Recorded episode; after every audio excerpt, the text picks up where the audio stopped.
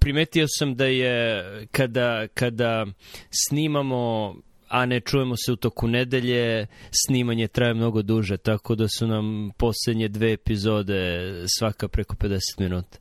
Verovatno zato što nemamo šta da, da što, inače nemamo šta da kažemo jedan drugom, tako da za 20-25 minuta završamo priču kad si ovde, ali... Da, to je vjerojatno jedan od razloga. Ja, mislim, spontano se nekad desi bude stvar o kojoj bi inače pričali, a ako je to situacija koje se ne čujemo ili ne pričamo često, onda je ova prilika za to, ali igrom slučaja mislim da prošle nije bilo takva, ali dobro, bilo je više random. uh, pa da, ali te, te nasumične stvari pričali bismo o njima offline, ne bismo snimali, tako da ne bismo tako na, natapacirali, da. natapacirali razgovor drugim stvarima. Vidim što hoćeš da kažeš. Pa dobro, ili imaš temu sada? Ono, ono što, kad, kada sam to primetio prošli put, kad sam i, i, i spomenuo sam uh, da, pa da, u stvari, kada je nešto preko 45 minuta, imamo najviše skidanja za to. Imam nekoliko teorija zašto bi to moglo da bude tačno. Glavna nema veze sa tim da ljudi više vole da slušaju duge epizode, već da E, je veća šansa da će dugu epizodu neku skinuti na dva različite uređaja jer nema vremena da odsluša iz jednog poteza, tako da će na jednom uređaju početi, na drugom završiti, a ovaj site Fireside nema načina da zna da li je jedna osoba ili dve skinule na dva različita uređaja, tako da da, ima više skidanja, ali to je zato što jednoj osobi treba više skidanja da bi oslušala dugačku epizodu. Ali svejedno, to je, to je navelo na to šta hoćeš sada da postaneš ovaj... Um, kao da li bi onda trebalo da snimamo duže epizode i da, da radimo ono što izgleda rezultuje u, u većem broju snimaka i da odgovorimo na tu povratnu spregu uh, menjanjem sobstvenog ponašanja, što je tebe podsjetilo i mene podsjetilo na onaj tekst o užasima YouTube-a i slušanja komentara i, i do čega to može da dovede. Mm, u smislu kada online stvaraoci sadržaja, content kreatori, ne znam kako bih rekao, su podstaknuti svojom publikom da modifikuju teme, način ponašanja, na kraju svoju online personu koja onda u zavisnosti od popularnosti, ali gotovo da postoji direktna korelacija sa popularnošću, uh, neumitno dovodi do vrlo groteskne uh, produkcije i može da negativno utiče na život te osobe. Tačno tako. A, I, I primjer je Nik Avocado, tako? Da, Ili... Nik Avocado. Ko je Nik Avocado? Ja nikad... Ko je pre... Explain to the folks at home. Ne, objasni ti, pošto pretpostavljam da si ti za njega znao pre onog teksta. Ja sam tek u, u tekstu saznao da, da ta osoba postoji. Da, ali opet vrlo površno.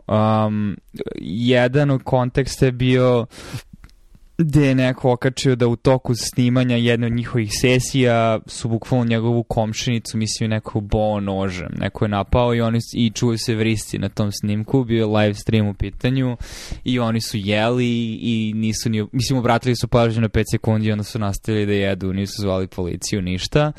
Što je dobar primjer toga kako ono se, mislim, uh, čitava ta situacija postane vrlo onako, mislim, perverzna. Na srpskom ima uvek seksualnu konotaciju ili skoro uvek, ali ono, iskrivljena, ovaj, moralno dubiozna.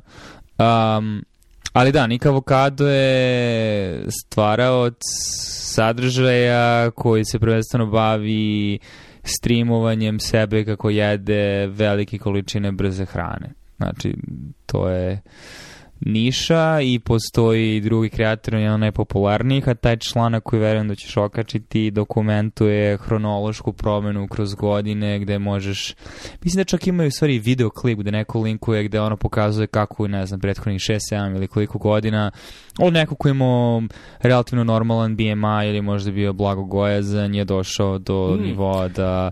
Mislim da je na početku čak bio blago podhranjen. Bio je mršav, bio je mršav, bio je, imao je vegansku ishranu i na početku je počeo je da postavlja snimke, mislim da je bio violinista ili tako nešto, časovi violine i onda je slučajno jedan od videa bio jedan gde on sedi za stolom i jede neke nudle dok priča sa kamerom kao da sedi sa nekim i razgovara. I onda je neko primetio kako je ta činija komično smešna u odnosu na njegovo malo telo i onda su valjda ljudi u komentarima rekli ja hoćemo više ovakvih snimaka.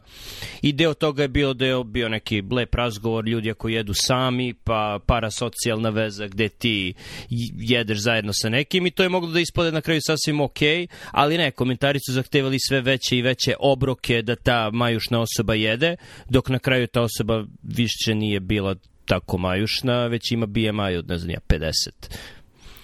Odokativno.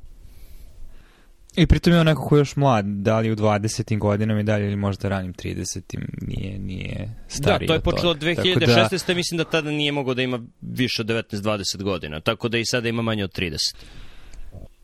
Da. Um, i, I dobro, mislim, eto, to je dobar, on, dobra studija slučaja o tome kako postice i u tom domenu kada ti to postane profesija mogu da iskrive tvoju percepciju stvarnosti i da budu ono povratna sprega koje dovode do takvih uh, grotesknih ishoda, ali imaš neki dodatni komentar? Jel? Da, jer uh, to povratna sprega me onda podsjetilo na um, kratki članak matematičara koji vodi podcast koji smo spomenuli pre, Joy of Why, na Quantum Magazine, matematičar je Steven Strogatz. On je, kasnije sam saznao, pre toga imao podcast koji sada ide, Joy of X, koji je kao parafraza Joy of Sex, učbenika boomerskog o seksualnim pozicijama, ne znam ja o čemu. Ali ima ta dva podcasta i pre, pre znam, sedam godina, šest godina, negde u vreme kad je Niko Avokado počeo svoju epopeju gojenja. E, pitali su naučnike e, šta mislite da su pogrešno ću se setiti, ali nije bitno, postojići link, postojići link ka, ka pravom tekstu kasnije. Uh, šta mislite da su ono zabrinjavajući trendovi ili šta vas najviše brine za budućnost sveta ili tako nešto?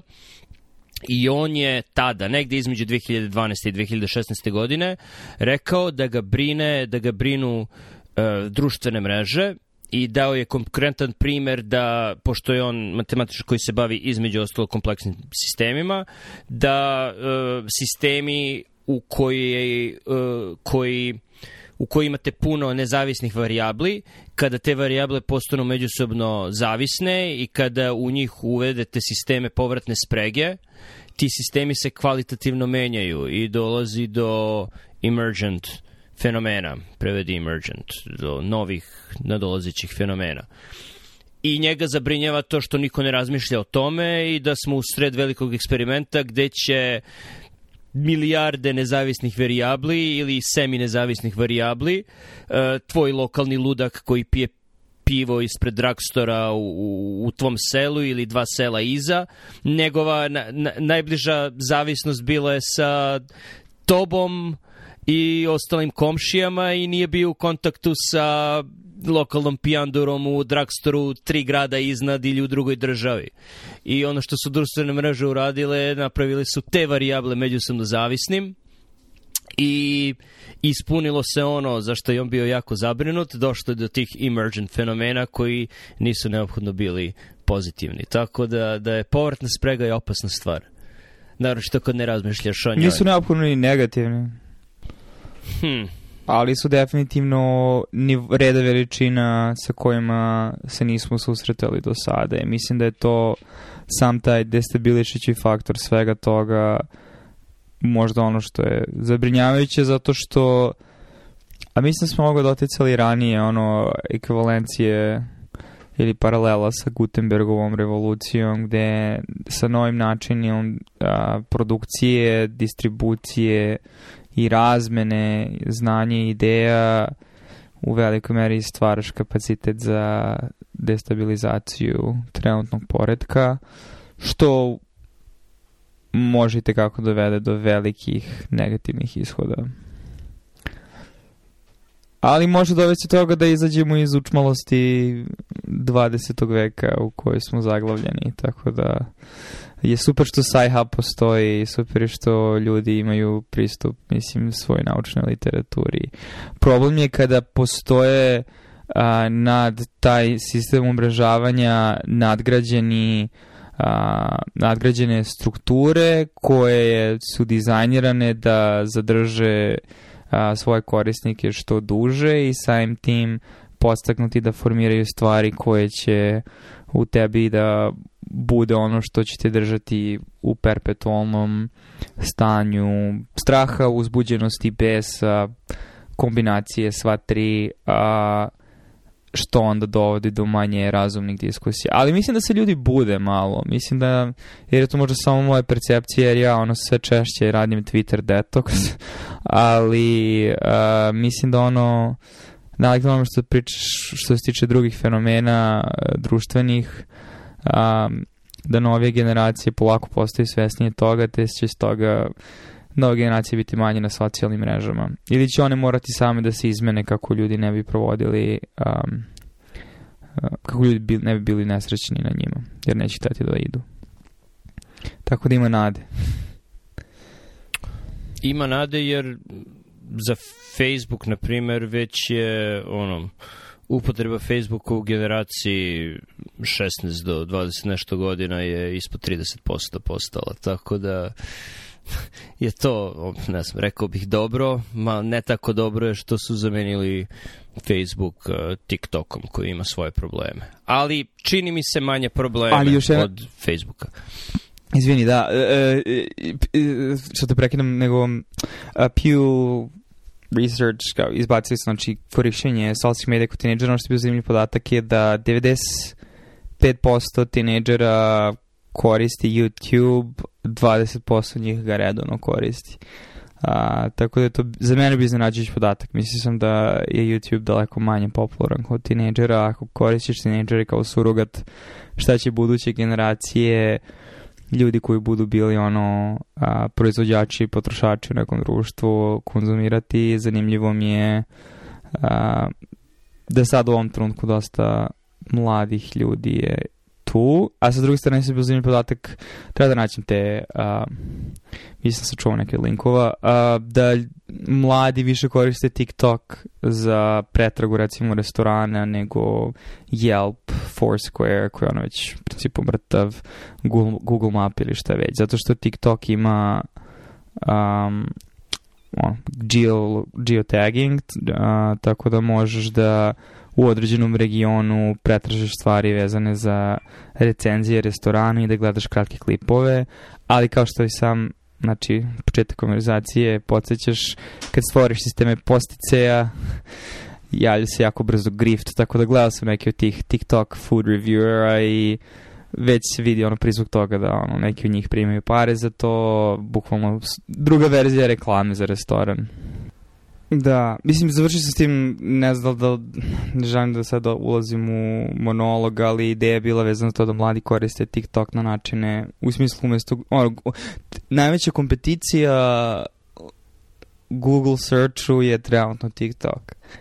A, pogotovo u demografskoj grupi mlađih ljudi koji izbjegavaju, mislim, koji ono koriste TikTok da bi dolazili do informacije koje su im neophodne za određene stvari ono što mi nije jasno je kako neko može da koristi TikTok za pre, pretragu, jer je u pitanju potpuno uh, netransparentna platforma gde kako ti znaš ko je osoba čiji video gledaš. A Google, Google je transparentan. Uh, Google je transparentniji, jer uh, ako...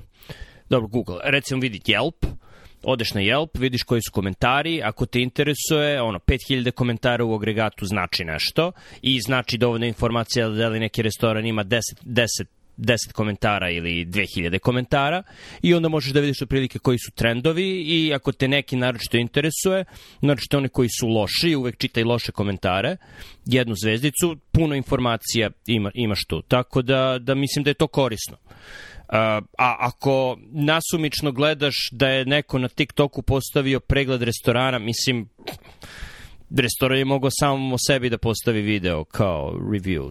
Pa ne znam, to, to, to, to se ne da isključiti, ali postoje ljudi koji se bave isključivo time. Znači, postoje profili koji se isključivo bave recenzijom restorana i tako da to na neki način postoji paralela sa ono šta god na Yelpu bio expert reviewer ili verzija toga, a, a sa druge strane mislim da je prednost koja onda nadomešćuje agregaciju mnogo broja, velikih, velikog broja recenzija koji su napisane u tekstu, što ti bukvalno vidiš videoklipove hrane kako dolazi hrane kako izgleda, te toga imaš mnogo veću imerziju u čitavo iskustvo. Problem toga naravno što ne znaš kog je ukusa hrana, nego samo vidiš kako sve izgleda.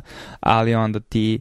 Mislim, ne znam, ljudi uvek teže ka tome da e, sve što radimo i nekog načina koji se spontano razvijaju ili u toj ono, međusobnoj borbi i kompeticiji koje stvari isplivavaju su stvari koje dovode do sve veće i veće imerzije što približnije što približnije stvarnosti. Tako da to je jedan razloga zašto je TikTok toliko popularan, osim naravno njihovog algoritme, to što imaš i video i audio ovaj a, kontekst. Problem sa profesionalnim recenzentima, odnosno poluprofesionalnim recenzentima je što uh, kontrola sukoba interesa tu je nepostojeća. Ako, o, da. ako, ako imaš čak i u onim publikacijama, ne znam, New York Times ili Wall Street Journal ili FT, kada piše o nekom restoranu, mada FT ne piše o restoranima, um, čak i tada imaš skepsu, ok, koji su poslovni odnosi između ovog restorana i ove publikacije, ali postoji neka kontrola, jer ta osoba, ono, govori za, za publikaciju i dobija novac dobija platu, ne zavisi od sponzorstava, ne zavisi od, od klikova. I ima manje, ima manje podsticaja da, da uzima novac ispod žita. Dok neko ko ima blog, mislim, to je uh, tip, na primjer, su oni youtuberi koji daju recenzije za tehnologiju, tehniku, oni primaju besplatno sve šta god požele i oni koji imaju više skrupula kažu ovo sam dobio besplatno, tralala, ali i tada, mislim, to utiče na tebe, dobio si besplatno, zadržat ćeš, mislim da jedino Apple daje opremu i onda je traži nazad kada nekome za recenziju, ali ostale firme ti daju i kao, zadrži, dobri smo, to ima, znamo, podsesni uticaj na, na osobu koja prima takve poklone. Tako da, da, da to smrdi do neba. Mislim, medicina nije sjajna sa sukobom interesa, ali medicina je odlična, medicina je ono kristalno jasna u poređenju sa drugim oblastima gde, gde, gde ljudi pa, imaju sukobe interesa.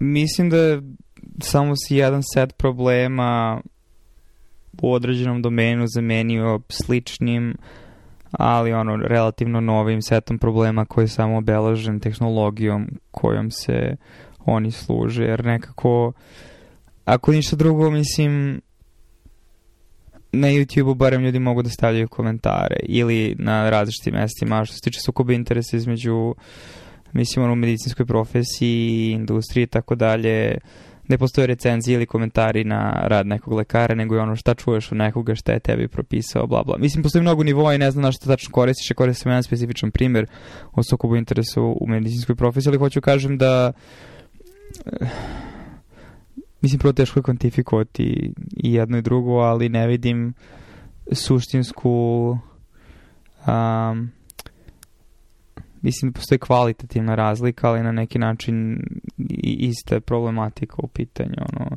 Ali mislim ako ništa drugo da sada, s obzirom na to kako internet, a to mislim da jeste tačno, mnogo je kraći poluvek informacije pre nego što ili trend, ne znam da se primetio neki trendovi su počeli i odjednom već vidiš ono postoje pre nego što uopšte je ono isfiltriralo do ostatka društva uh, već se javlja kontrareakcije, internet je u velikoj meri, mislim, moja hipoteza moja teza je da um, je ubrzo um, propagaciju kulture i samim tim promenu trendova, jer ne znam, dob dobar primjer toga mi je čitav ovaj moment vezan za uh, rodno rodno obrazovanje i rodni identitet koji je eksplodirao na internetu zadnjih nekoliko godina i jako brzo se javilo odgovor na sve to, naravno sa svojim pristrasnostima, slepim mrljama, bla bla, ali isto vreme a, vrlo organizovan i sad mi nekako deluje da stvari u koji su ljudi čupali kosu pre dve, tri godine samo, a vidite što se dešava, sad će ovo da se promeni,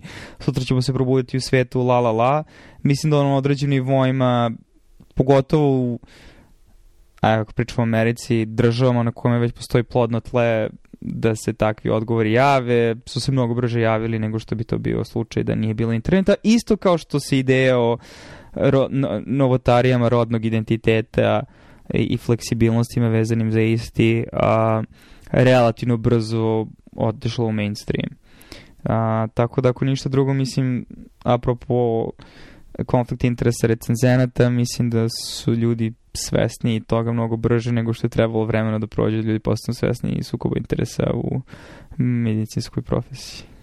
Mislim da nisi upravo. Mislim da ljudi koji gledaju uh, te YouTube snimke gde, gde neko recenzira ne znam, najnovi Android telefon ili recenzenti na TikToku koji, koji pričaju restoranima, mislim da ljudi uopšte nisu svesni sukoba interesa niti razmišljaju o tome. Pa ne znam, znači čitav koncept influencera, pogotovo kao pežorativni a, epitet je a, s razlogom takav zato što se zna da oni griftuju time što dobijaju uzorke stvari i tada i tada mnogo, mnogo a, ne znam, mislim, to je barem moja ko, percepcija. Ko, da, da, da, se... da, to je tvoja percepcija, ali ti nisi ciljna publika za influencere, pod navodnicima. Ciljna publika su ljudi od, ne znam, 16 do 26, 29 godina to je, to je, to je ciljna publika za njih i oni, njima je to... Pa ne znam baš, iskreno mislim da, mislim da, mislim ono... da većina nije svesna toga. Ne, ne, ali možda, ok, možda malo drugačija teza. Ono što može čak jezivi u svemu tome je što nije da ne postoji nivo svesti, nego se grift prihvata kao takav i deo je a, hasla, tako da se služi ono mnogo, ali ljudi se ovde služe tim terminima, tako da ne postoje adekvatni prevodi na srpski, nažalost. Um, ali čitava ta ideja toga je, ok, tako se prave pare, hajde, hoću ja da budem influencer, hoću ja da dobijem ono sponsorship, hoću ja da dobijem ovo, hoću ja da dobijem ono i onda imaš situaciju da ili se ti mladi ljudi koji ti kažeš da im to prelaze preko glave, možda im prelaze preko glave u smislu kako ovo utiče na moj lični integritet i e, kako ovo utiče na integritet osoba koju posmatram, ali u isto vreme i te kako su svesni kako ta industrija funkcioniše u smislu znak uspeha u toj industriji, a dosta, ono što je zanimljivo u sklopu svega toga je da veliki deo ljudi koji konzumiraju te sadržaje u vreme žele sami da postanu ti ljudi, znači influenceri, da bi mogli da oni zarade nešto i te kako su upoznati sa načinom koji funkcioniše industrija i onda uspeh se, ono, pravi se ekvivalencija između uspeha i situacije da se nađeš u sukobu interesa. što možda neki način iziznutije zato što onda obe ručke prihvata što kao da je to ono, ono normalna stvar i u smislu možda u tom uzrastu ne shvataš ramifikacije svega toga i problematiku svega toga, pogotovo etičku, u smislu šta je onda šta je onda kvalitetno ako je sve izmešano sa ovim interesima, um, ali da je to neki novi aspekt čak i ovde u Srbiji a, kulture ili barem jasnije definisan ili jasniji potrošačima, ali da potrošači isto imaju manji problem sa tim je možda precizniji precizniji od onoga što sam ranije rekao. Jedina jedina stvar zbog koje, ok, mislim možeš da kažeš da i ono, 70-ih, 80-ih, 90-ih godina su influenceri pod navodnicima bili glumci, pevači koji su naravno da bili besplatne stvari i naravno, i naravno su deca opet uh, uh, opet uh, samo radilo ono što oni rade, ne zato što su oni rekli da je to nešto mnogo kvalitetno, nego da bi ličili na svoje, na te glumce, pevače, sportiste, koga god. Tako da je možeš da kažeš TikTok i, i Instagram i ostale platforme za, za uticaj da su demokratizovale to da može bilo ko da, da, da bude ta osoba koja će da se nakiti nekom odećom ili telefonom i da, da će ljudi da prate. Ali, mislim da postoji razlika između ljudi kao što su, ne znam, modeli ili lifestyle guru i, ili kako god sebe nazivaju, koji ono koriste nešto i onda ljudi hoće da kopiraju i mimezom šire uticaj. To je jedno, ali recenzija je nešto drugo. Znači, recenzija je ja dajem svoje mišljenje o ovoj stvari i ja kažem tebi da je ovo kvalitetno i taj sukob interesa čini tu recenziju lažnom, lošom. Pa ne znam, da li, da li stvarno misliš da ono Beyoncé koristi šminku koju reklamira ili ne znam, ali mislim hoću kažem ali Beyoncé upravo upravo upravo vidim da nisi nisi nisi uh, pokupio nijansu na koju sam ukazao. Znači to je u redu, jer Beyoncé ne daje recenziju šminke. Beyoncé nosi šminku, ljudi koji hoće da se ugledaju na Beyoncé nose tu šminku.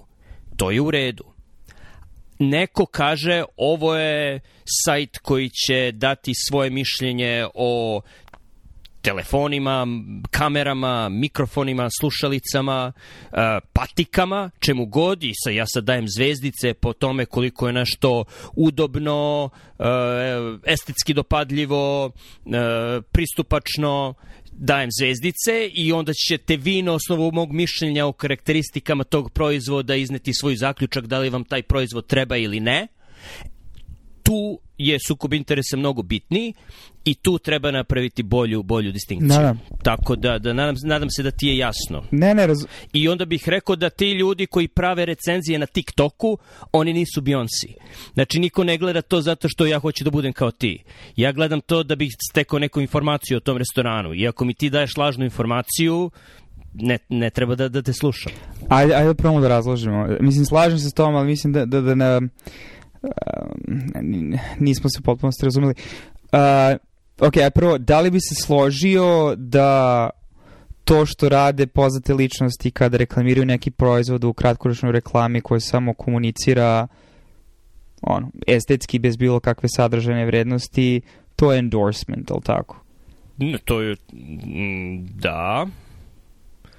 Mislim, endorsement u smislu da ti asociraš individu visokog statusa na koji se ljudi ugledaju, i ono, s činjenicom da oni pristaju na tu kampanju, oni daju svoj blagoslov i ljudi koji žele da se ugledaju na njih samim tim će želiti da oponašaju to kao što si rekao mimikrijom i tako dalje. Pa da, ali oni to hoće da A... da... Da, da, ali... A pusti, pusti se onda završi. Ali ne bih rekao endorsement, ne bih, mislim, svrha te reklame je da ti povežeš nečiji lik sa nekim proizvodom. To je sve. Ok, ali mislim da to u industriji se čak i zove endorsement. Znači kad on je Michael Jordan imao Air Jordans, mislim to je znači bio, mislim, jednostavno, ili kad ono, mislim, e, mi, da, hoću kažem da Michael nije toliko Jordan jasna nema, distinkcija. Ali Michael Jordan nema seriju recenzija različitih patika. Beyoncé nema seriju recenzija različitih šminki. Ok, pokušam da razložim, da, samo nekako mi ne uspeva, ne znam zašto. Ok, nastavi. Ove, ali hoću da kažem, znači da postoji nekoliko dimenzija um, u dimenziji recenzije koja je pozitivna uh, imaš situaciju gde ti možeš znači, da daš endorsement nečega, ali su isto vreme ostavljaš na integritet te osobe i sadržaj same recenzije koji daje na verodostojnosti recenzije. Dobro, da se razumemo, kada Michael Jordan stavi svoje ime na patiku, to nije recenzija Michaela Jordana.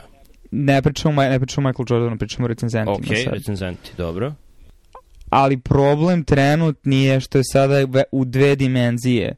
Znači, asocijacija sa individuom visokog statusa, a ono, to udara na naš instinkt da želimo da oponošamo ljude visokog statusa i u isto vreme um, sam proces recenzije koji podrazumeva, znači, nazovi objektivnom evaluacijom kvaliteta nekog proizvoda, se meša. Te tako da imaš situaciju kao što si rekao, znači ti teki tipa Marquez Brownlee, oni poznati recenzent tehnike, on je u isto vreme osoba visokog statusa jer je najpopularniji youtuber koji se bavi recenzijom, producira klipove visokog kvaliteta, klinci se gledaju na njega i onda se muti linije između toga da li je ovo u isto vreme recenzent ili osoba relativno visokog statusa, naravno Panteon je sada mnogo veći nego što je bio jer je tehnologija drugačija, nismo više u doba radi ili televiziji da imaš dva kanala i pet poznatih ličnosti, nego je sve eksplodiralo internetom, um, ali suštine razumeš što hoću kažem, pojenta koju pokušam da napravim, znači da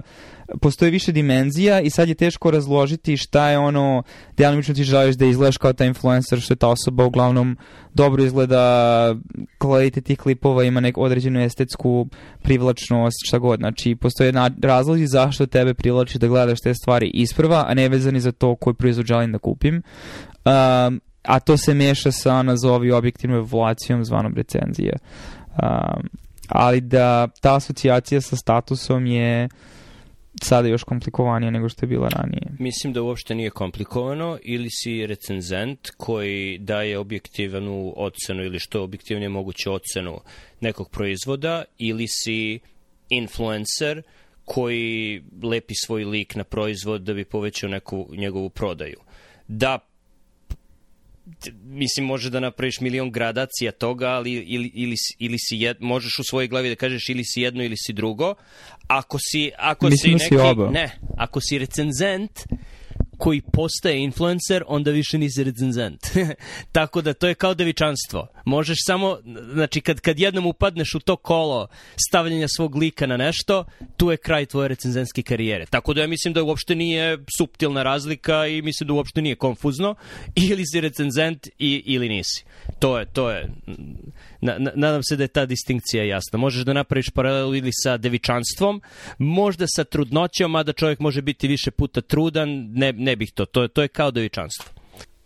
Jel hoćeš da kažeš da onog trenutka kada neko počne da vezuje svoj lik i status za same recenzije, tu više ne može niko da te shvati kao ozbiljnog recenzenta, već dolaziš u situaciju da si A da li to znači da svako ko ima ko se bavi, mislim, pokušavam da nađem onda u tvom spektru mi deluje da onda jako, jako velika manjina ljudi bi ispunila definiciju pravog recenzenta. Ne, I da li onda zašto da je... to kažeš? Milion ljudi na Jelpu koji stavljaju svoje recenzije su tačno ispunjavaju definiciju recenzenta.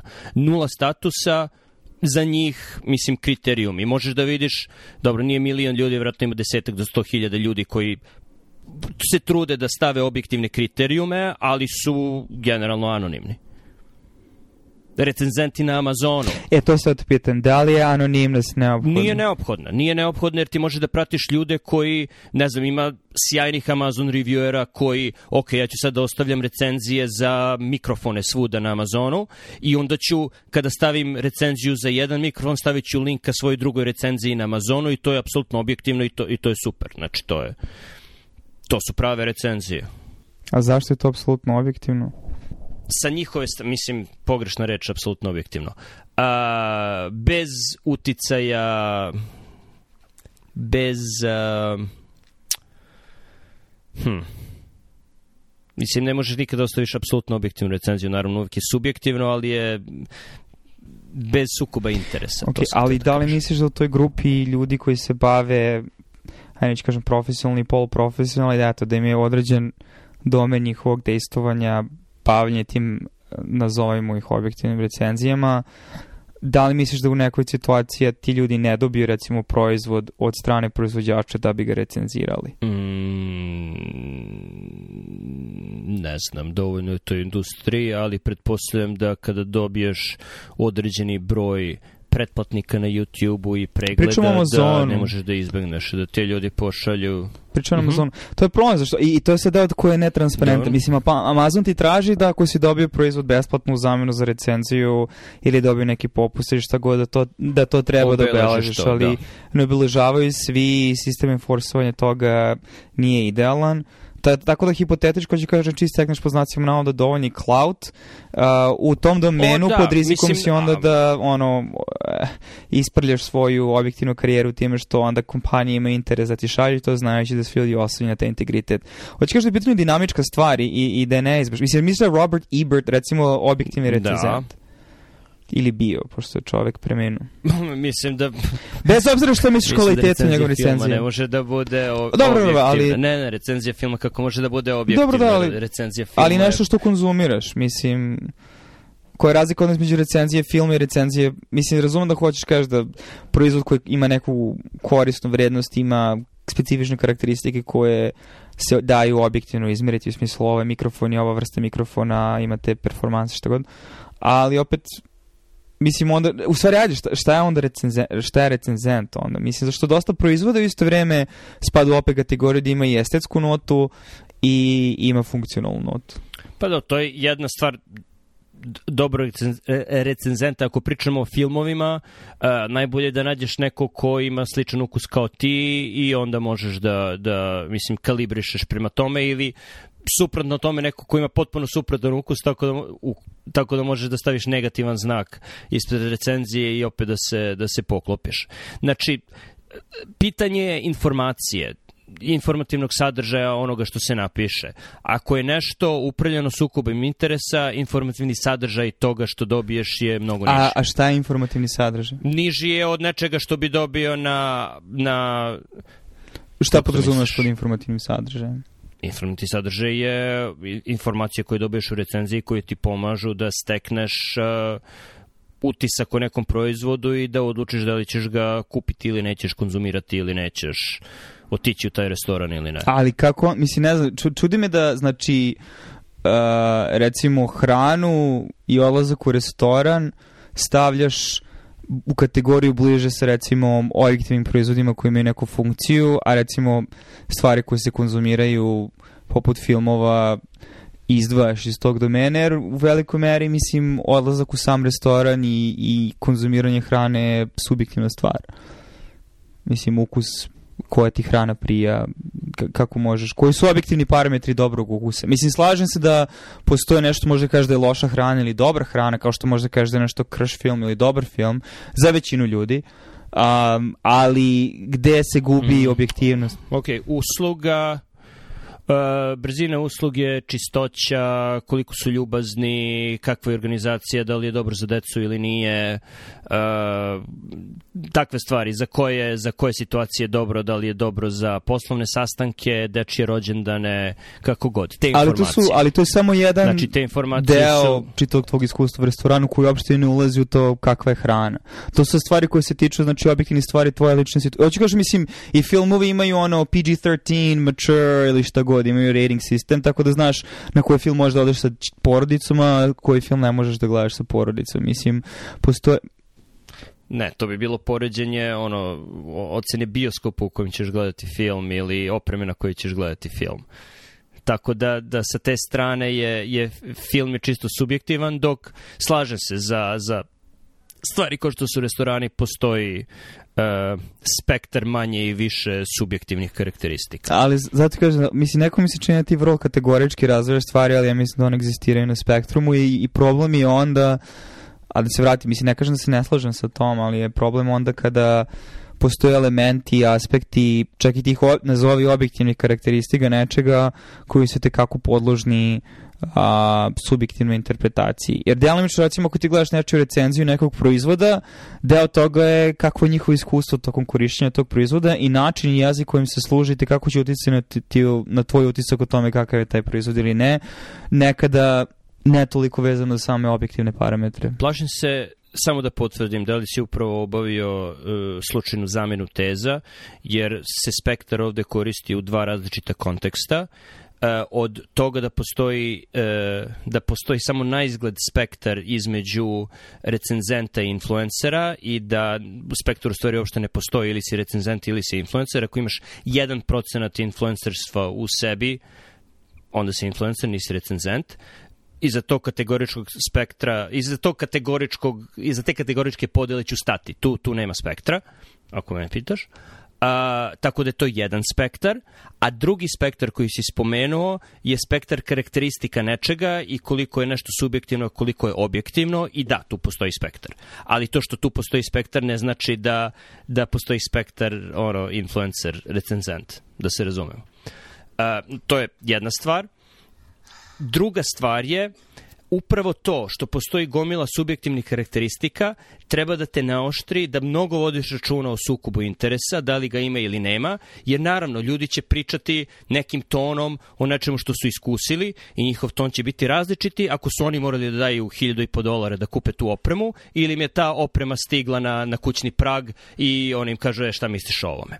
Tako da, da baš zbog toga, zbog te subjektivnosti nekih karakteristika, jako treba voditi računa o tome da li je influencer ili recenzent. I treća stvar je, Ako me pitaš da li je Marquez, spomenuo si ga, influencer ili recenzent, odgovor je ne znam. To što je popularan ne mora uopšte da znači da, da nije recenzent.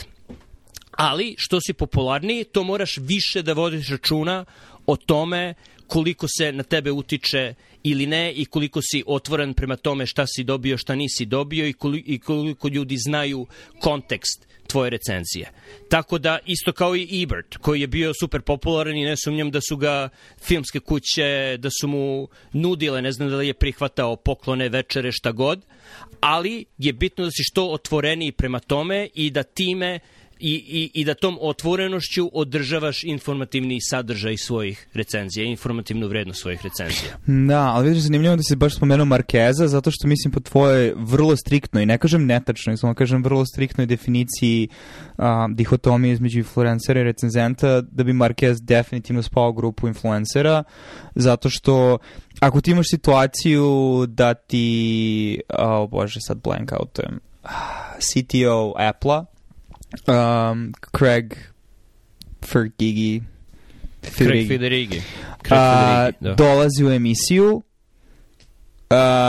da ima mini intervju oko vremena kada se Apple bavi ono izlaskom uh, novog uh, čipa uh, mi govori da si u velikom riziku da imaš sukob interesa koliko god on priča o tome da nema ili ako ti dođe Elon Musk i, a ti recimo voliš Teslu kao automobil lično mislim da ti to pomoće razum ako recimo sami direktori kompanije koji imaju daleko veći cloud nego što ga ti imaš dolaze na tvoj mali, relativno mali za YouTube publiku naravno veliki kanal jer znači da to u tebi formira sada ono bias da sledeći proizvod koji izađeš pitanje koliko ćeš biti kritičan uh, jer ono postoji šansa da nećeš imati a sigurno je za njegov kanal bilo super kada su mu na kanalu bili i Musk i Federighi tako da hoću da kažem u, u, u tom smislu on vrlo jasno po tvojoj definiciji spada u kategoriju. Bez obzira na to što definitivno objektivni stvari i on ume da bude kritičan i u Apple-u i u drugim proizvodima koje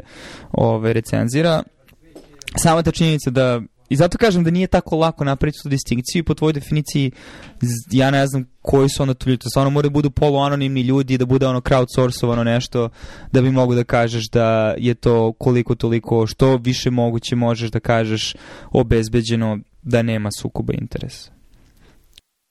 Da, i rekao bih čak da to nije jedinstveno za, za ove nove medije, za YouTube, Instagram i ostalo. Isto može da kažeš, na primjer, za Volta Mosberga, koji je bio uh, recenzent za tehnologiju za Wall Street Journal, koji je pisao recenzije iPhone-a ostalih i koji je bio na ti sa Steveom Jobsom i koji je e, super poznavao ceo taj tehnološki krug i on je sasvim sigurno bio tehnološki influencer, a ne recenzent. Ali si sa druge strane imao recenzente tipa nekih anonimusa u tom Wall Street Journalu i u drugim publikacijama koji su davali anonimne recenzije, obično za manje popularne proizvode. Tako da si tu imao malo, malo iskrivljenu sliku da ako ti neki popularni proizvod ili, ili izvikani proizvod ako recenziju piše Walt Mosberg, odmah znaš da to nije sasvim... Pošto deo te recenzije on mora da vodi računa da ostavi otvorena vrata da, kod ovog to. ili onog CEO-a, mora da vodi računa o, o održanju svog imidža, koliko to utiče na recenziju, tako da znaš odmah da je to zaprljano. Da, ali to ne znači da, mislim, slažem se tom, samo zato kažem, u to, u, po toj definiciji onda mislim, ne znam, hoću kažem, da li to znači da recimo njegovu bilo kakvu recenziju nekog proizvoda ne vredi uopšte čitati i potpuno se izbegavati, ili postoji, jer onda ako hoćeš da maksimalno podigneš sigurnost da to što dobijaš je što više verodostojno, a.k.a. sa što manjim sukobom interesa, a, dramatično se smanjuje broj stvari koje možeš da koristiš kao izvor informacija. A, ako neko sa ulice dođe i ne zna ništa o tome ko je Walt Mossberg, ne prati to, ali sam ja ono, čitalac Wall Street Journala koji ne znam, bavi se financijama, šta god i ne znajući kontekst pročitam neku njegovu recenziju, to, to će mi više biti šteta nego koristi, jer ću steti pogrešnu sliku, steći ću iskrivljenu sliku tog proizvoda o kome on piše. Dok ako sam neko ko apsolutno prati celu stvar i, i zna kontekst i, i zna odnose Volta Mosberga sa ostalim, sa, sa ljudima u, u Silikonskoj dolini, onda ću dobiti neke informacije iz te, nazovi recenzije, iz tog njegovog mišljenja. Tako da je to pitanje konteksta, slažem se, ali ono što napiše nije, nije recenzija, to je... Nije, to je problem, sam hoću kažem da je jako... Nije, te... nije, nije recenzija koja, koja je ono, koja ništa ne može biti 100% objektivno, nijena recenzija, ali možeš što najbolje što možeš da, da daš svoje neiskrivljeno mišljenje. Možeš da se trudiš da, da to daš koje će informisati onoga ko čita ono što pišeš. Ali ako ako si influencer, onda tvoj glavni cilj neće biti da informišeš nekoga ko to čita, već ćeš imati druge ciljeve. I, i to je problem i zato mislim da to, to nisu recenzije, nisu prave recenzije. Ok, mislim, ajde samo da privedemo kraju. Uh, mislim, slažem se s tobom, sam mislim, možda se ne slažem sa tobom koliko jasno možeš da napraviš tu distinkciju, uh, jer da bi zaista osigurao da neko nema nikakve primuse influencerizma, znači da mora da bude osoba koja je je što manje prominentna, ne dobije nikakve pare od toga i to znači da se najverovatnije oslanjaš na ono neku autističnu osobu koja je to hobi, koja će to iz svog podruma da se trudi da da što objektivnije sagledavanje stvari, jer van toga um,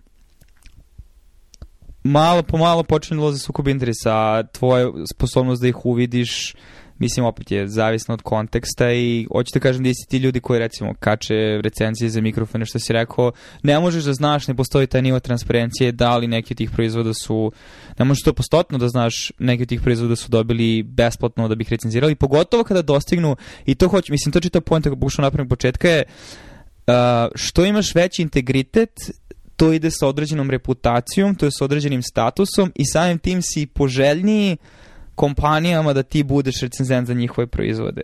I tu se onda automatski javlja sukob interesa jer a, svi ti ljudi koji se bave recimo tech reviewima na YouTube-u, posle čitava ono hijerarhije toga ko kada dobija koje proizvode i tačno se zna ko ulazi u uži domen tih ljudi koji dobije proizvode pre-release data, ko znači ne mora da čeka da ih naruči šta god i dan kada ono Apple izbaci nešto, oni već imaju, razumeš, recenziju spremljenu. Znači nije on taj isti dan došao do proizvoda jer je nemoguće, a kamoli snimio, izmontirao i odradio sve i uploadovao na YouTube, nego jednostavno ima taj proizvod nedeljama. Tako da uh, jako brzo se ulazi u zamućenje tih linija i na neki način je neizbežno. Tako da to je to je moja teza, mislim. Da, da se razumemo i završimo priču, uh, bilo kod tih ljudi koji, koji su na toj lestvici primanja proizvoda za recenzije pod navodnicima na YouTube-u, niko od njih nije recenzent. Pa to, to je, i mislim po tvojoj definiciji oni nisu, da. Pa ni, i nisu, i nisu. Povratna sprega uništi sve. Naročito kad je pozitivna, a ne negativna povratna sprega.